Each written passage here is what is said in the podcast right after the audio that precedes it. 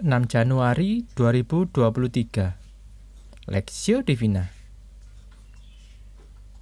Mazmur pasal 126 ayat 1 sampai 6 Nyanyian ziarah.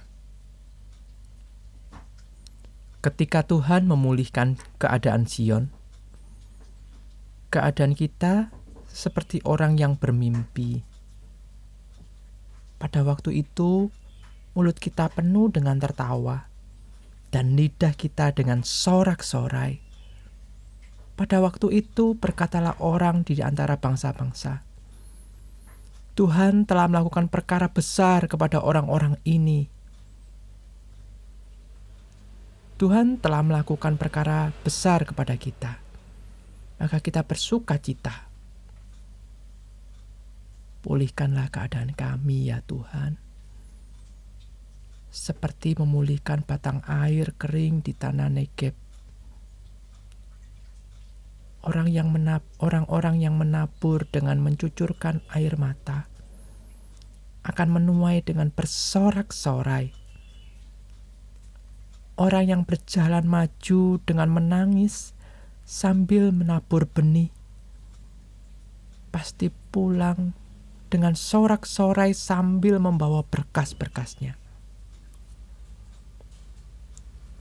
Pemulihan dari Allah perspektif. Tuhan telah melakukan perkara besar kepada kita, maka kita bersuka cita. Pulihkanlah keadaan kami ya Tuhan. Mazmur pasal 126 ayat 3 sampai 4a. Hai orang sukses, teriak seorang yang baru saja bangun dari tidur sambil melihat dirinya pada cermin.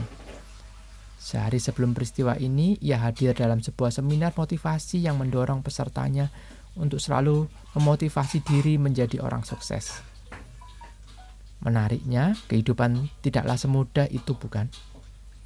Tidak semua orang menjadi sukses jika kesuksesan dinilai dari uang, kebahagiaan, aktualisasi diri, dan sebagainya alih-alih berteriak, "Hai orang sukses!"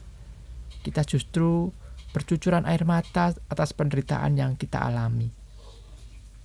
Bukan untuk mengajak Anda menjadi hidup pesimis, namun fakta berkata, selama kita hidup di dunia ini, maka kita akan hidup berdampingan dengan dosa dan juga penderitaan. Dan di dalam kondisi inilah Allah tetap bekerja mendatangkan pemulihan bagi setiap orang percaya. Beberapa penafsir melihat bahwa Mazmur 126 merupakan nyanyian perayaan akan kembalinya bangsa Israel dari pembuangan dan dari kesengsaraan yang dialaminya selama itu. Semua hal itu terjadi tidak terbayangkan oleh bangsa Israel. Seperti mimpi. Bagaimana mungkin bangsa Babel malah dengan sengaja meminta Israel untuk kembali ke tanahnya dan membangun kotanya. Tetapi inilah yang terjadi. Allah memulihkan kondisi Israel tanpa mereka sadari sebelumnya. Ayat 1 sampai 3 menunjukkan sukacita yang besar atas pembebasan yang dilakukan Allah. Sedangkan ayat 4 sampai 6 menyatakan doa untuk pemulihan bangsa secara keseluruhan. Ini menunjukkan bahwa mereka melihat ke masa lalu di mana mereka dibebaskan dan melihat masa depan di mana Allah akan memberikan pembebasan akan dosa dan penderitaan. Hari ini kita masih bergulat dengan dosa dan penderitaan. Tetapi kiranya kita dapat mengingat hari kemarin di mana Allah telah melakukan perkara besar dengan menyelamatkan kita dari hukuman maut kekal dan terus berharap di masa depan di mana Allah akan memulihkan sepenuhnya hidup kita dari dosa dan penderitaan.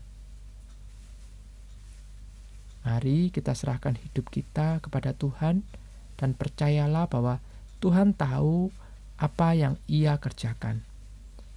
Ia akan mendatangkan pemulihan dalam hidup umatnya. Studi pribadi, setiap hari Ingatlah kembali setiap berkat yang sudah diberikan Allah dan anugerah keselamatan yang diberikannya. Pokok doa, berdoalah bagi jemaat Tuhan yang sedang putus asa dalam menghadapi penderitaannya.